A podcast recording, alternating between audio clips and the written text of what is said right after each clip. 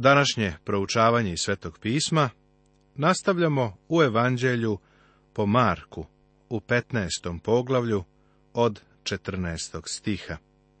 I govorimo o suđenju Isusu Hristu i o zbunjenom sudiji Ponti Pilatu. Pilatu je bilo jasno da su optužbe protiv Isusa bile lažne. Ali on prosto nije znao kako ljudi duboko mogu da potonu. Bio je tako šokiran kada su tražili oslobođenje varave, da je on, sudija, u zaprepašćenju pitao narod šta da radi sa Isusom. Pilatim pak reče, kakvo zlo učini? No oni povikaše još jače, raspni ga. Svetini je bilo savetovano da zahteva da se Isus razapne. Tako ovde vidimo tu rulju vođenu osvetom. Kada je Pilat pitao kakvo je zlo Isus učinio, oni su samo sve jače vikali raspni ga. jedna rulja nije spremna da prosuđuje, ili da upotrebi glavu ili pravo rasuđivanje. Sve što su mogli, bilo je da uzvikuju, raspni ga. Tada im Pilat oslobodi Varavu, želeći da zadovolji svetinu, a Isusa išiba i predade da ga raspnu. Pilat je očigledno bio slab, kolebljiv političar pokleknuo je pred povicima svetine i predao je gospoda Isusa da bude raspet. Rimska pravda je ovde svakako zastranila. Jedan nedužan čovek će umreti, ali trenutak samo, on zauzima moje mesto, a ja nisam nedužan. Zauzima i tvoje mesto a vojnici ga odvedoše unutra u dvor, to jest pretorijum, i sazvaše svu četu. Kada je bilo koji kriminalac trebalo da bude razapet, bivao je predat vojnicima. Oni su bili brutalni kockari, a sa zatvorenikom su mogli da čine šta im je volja svoje zatvorenike su, naravno, ponižavali, mučili i iskorišćavali za svoje sadističke prohteve. Sve ovo sada rade i sa gospodom Isusom. Mislim da su igrali igru koju su Rimljani zvali vruća ruka. Svi bi stavili pesnice oko Isusove glave zavezali mu oči, a onda bi ga udarali svi osim jednoga. Tukli bi ga svom snagom sve dok više nije ličio na ljudsko biće.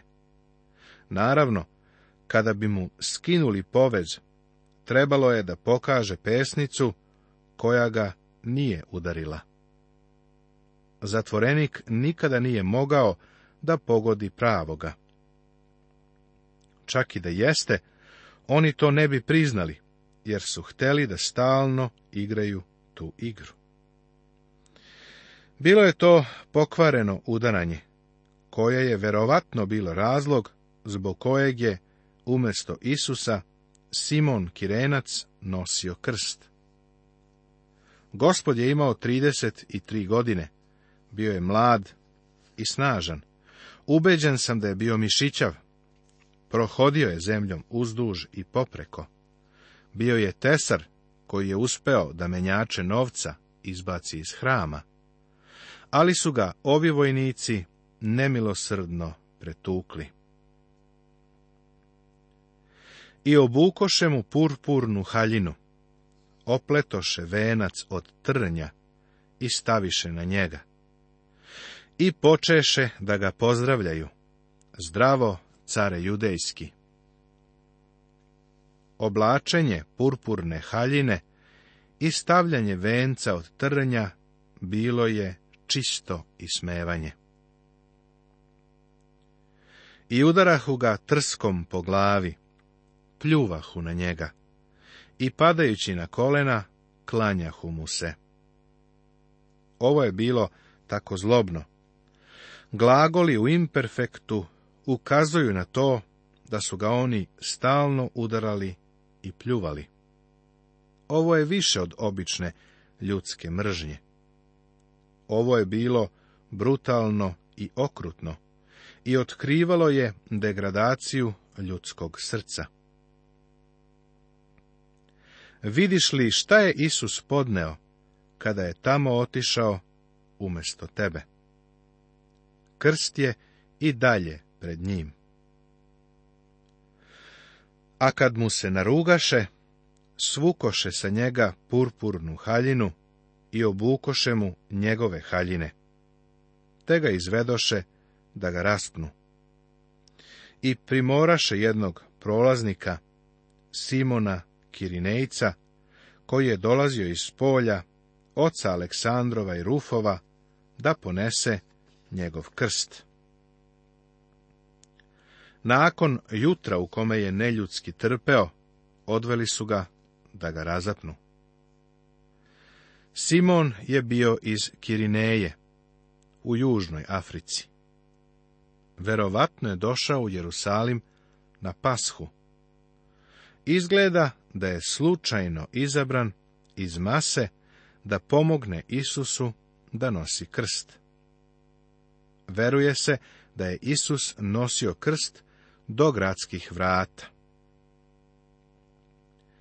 I dovedoše ga na mesto Golgotu, što prevedeno znači mesto lubanja. Golgota znači mesto lobanja. Mi bismo rekli kalvarija ili kosturnica. I davahu mu vino sa smirnom, no on ne primi vino pomešano sa smirnom bio je napitak koji je pomagao da se ublaže užasni bolovi onih koji su umirali raspeti na krst. Zanimljivo je primetiti da kada se Isus rodio, mudraci su mu doneli smirnu, a kada je umirao, opet su mu nudili smirnu. Smirna govori o njegovoj smrti. Zatim ga raspeše i podeliše njegove haljine, bacajući kocku za njih. Šta će ko uzeti? Bolji prevod bi glasio nakon što ga raspeše. Nijedno evanđelje ne daje detalje samog raspeća. Pružaju nam se samo događaj u vezi sa njim. Duh Božiji je to prekrio svojim velom kao da je hteo da kaže ovde ne postoji ništa što treba da zadovolji sadističko ogovaranje. Ovde nema ničega čime ikakav zaludan um treba da bude obuzet. Suviše je strašno. Cepanje njegove odeće bilo je ispunjenje proroštva u psalmu 22. u 18. stihu a beše treći čas kada ga raspeše. I beše napisan natpis koji je označavao njegovu krivicu. Car judejski.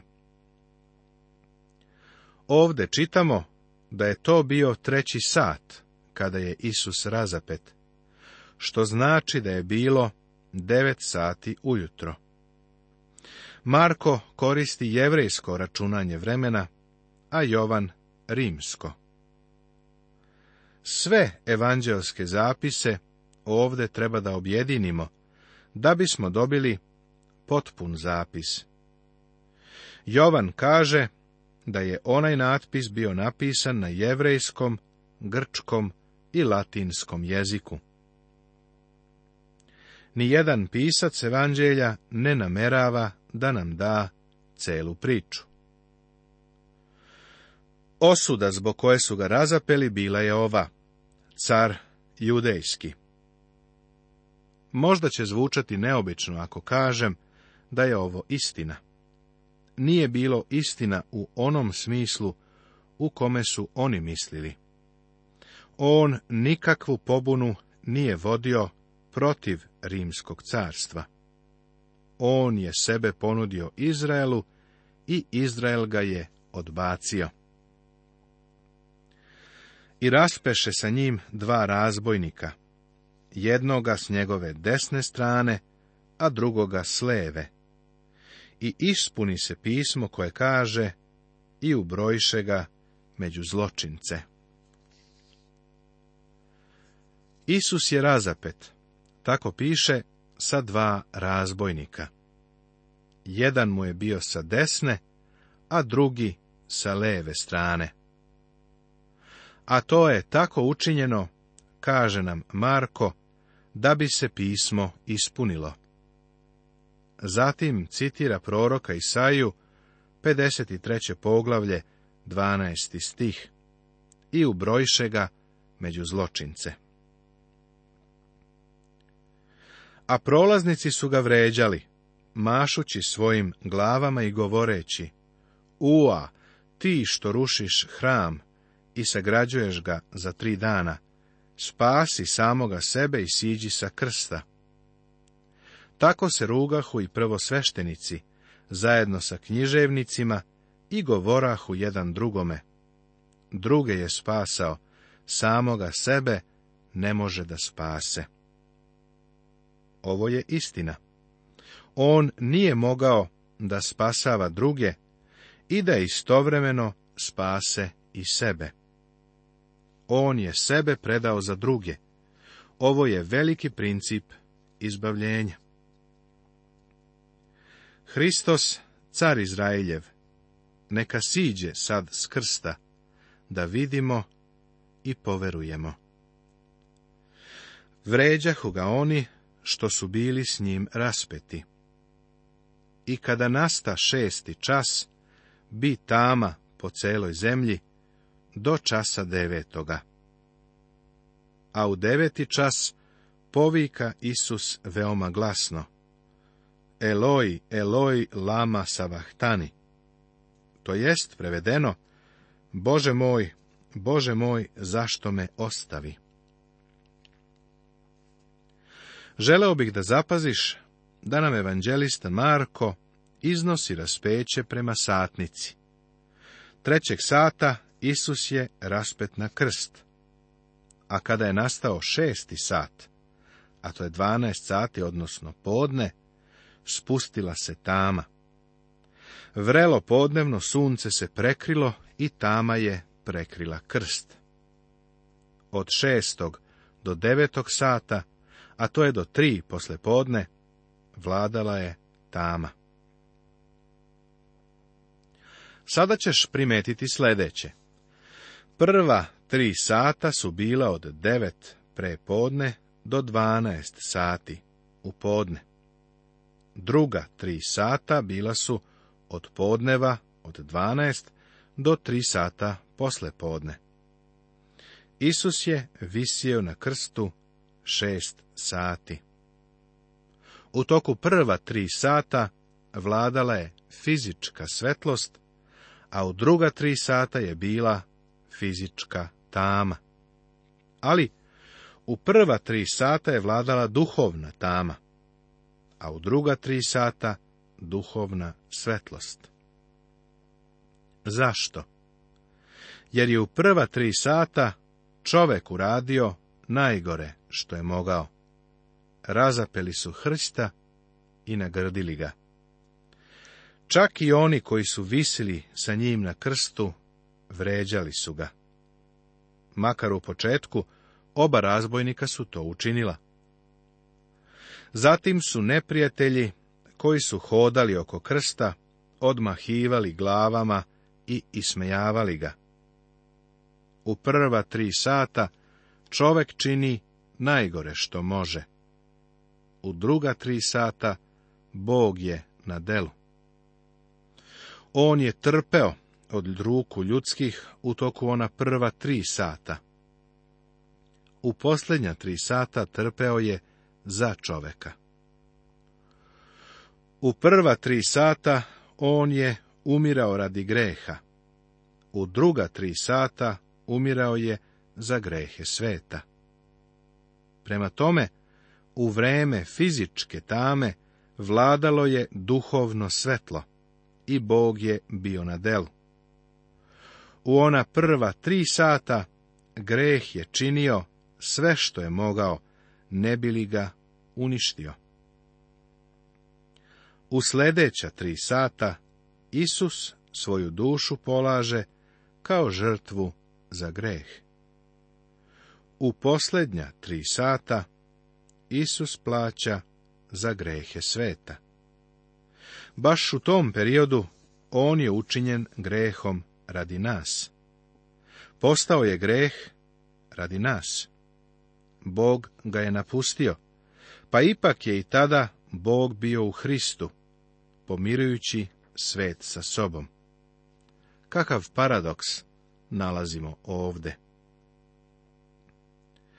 Čuvši to, neki od onih što tamo stajahu rekoše, gle, zove Iliju. A jedan otrča i natopi sunđer octom, pa natače na trsku, te ga pojaše, govoreći, pustite, da vidimo hoće li doći Ilija da ga skine. Gomila je pogrešno shvatila ono što je on govorio. Verovatno su mislili da je pozvao Iliju, jer su reči koje je izgovarao bile slične tome. Pa su rekli, da vidimo da li će Ilija doći. Pitaš se da li su polovično verovali u to da je on Mesija. Mislim da bi im nešto u njihovom ljudskom srcu to reklo i govorilo im je da on jeste Mesija. Zatim su mu dali malo octa, da mu utole žeđ. Ovo nije bio napitak koji su mu kasnije nudili. On je ovo uzeo da bi se ispunilo proroštvo. Daju mi žuč da jedem i u žeđi mojoj poeme octom, kako je zapisano u 69. psalmu. A Isus povika veoma glasno i izdahnu. I zavesa u hramu rascepi se na dvoje od ozgo do dole. On nije umro zato što su fizički organi prestali da funkcionišu. On je predao svoj duh. Mnogi sveštenici su bili očevici cepanja zavese tri sata je bilo vreme večernje žrtve i oni su baš u tom trenutku služili u hramu. Ovo je na njih sigurno ostavilo utisak. U svakom slučaju, kasnije ćemo vidjeti da su mnogi sveštenici došli do spasavajućeg poznanja Hrista. A reč Božija je napredovala i broj učenika u Jerusalimu se veoma povećavao. Pa se i mnogi sveštenici pokoravahu veri. Zapisano je u Svetom pismu Novog Zaveta, u delima apostolskim, u šestom poglavlju, u sedmom stihu. Ovo nam pokazuje da su mnogi sveštenici poverovali u gospoda Isusa Hrista. Pa imamo sve razloge da verujemo da su neki od njih služili u hramu u vreme Hristovog raspeća. Činjenica da su onog momenta kada je on predao svoj duh, zavesa u hramu pocepala nadvoje, nikako nije slučajnost. Ta dva događaja su međusobno posebno povezana. Isus je predao svoj duh. Nije mogao umreti sve dok nije predao svoj duh. Nije umro zato što su njegovi telesni organi prestali da funkcionišu, što znači da je umro drugačije nego bilo ko od nas. Bio sam prisutan kod znatnog broja ljudi koji su umirali. Primetio sam da je kod njih uvek bio prisutan samrtni ropac. Posljednje što pokušavamo da uradimo je da udahnemo. Jedino što želimo je taj posljednji uzdah. On to nije uradio. On je predao svoj duh njegova smrt je i zbog toga u fizičkom smislu drugačija. Nastavit će se.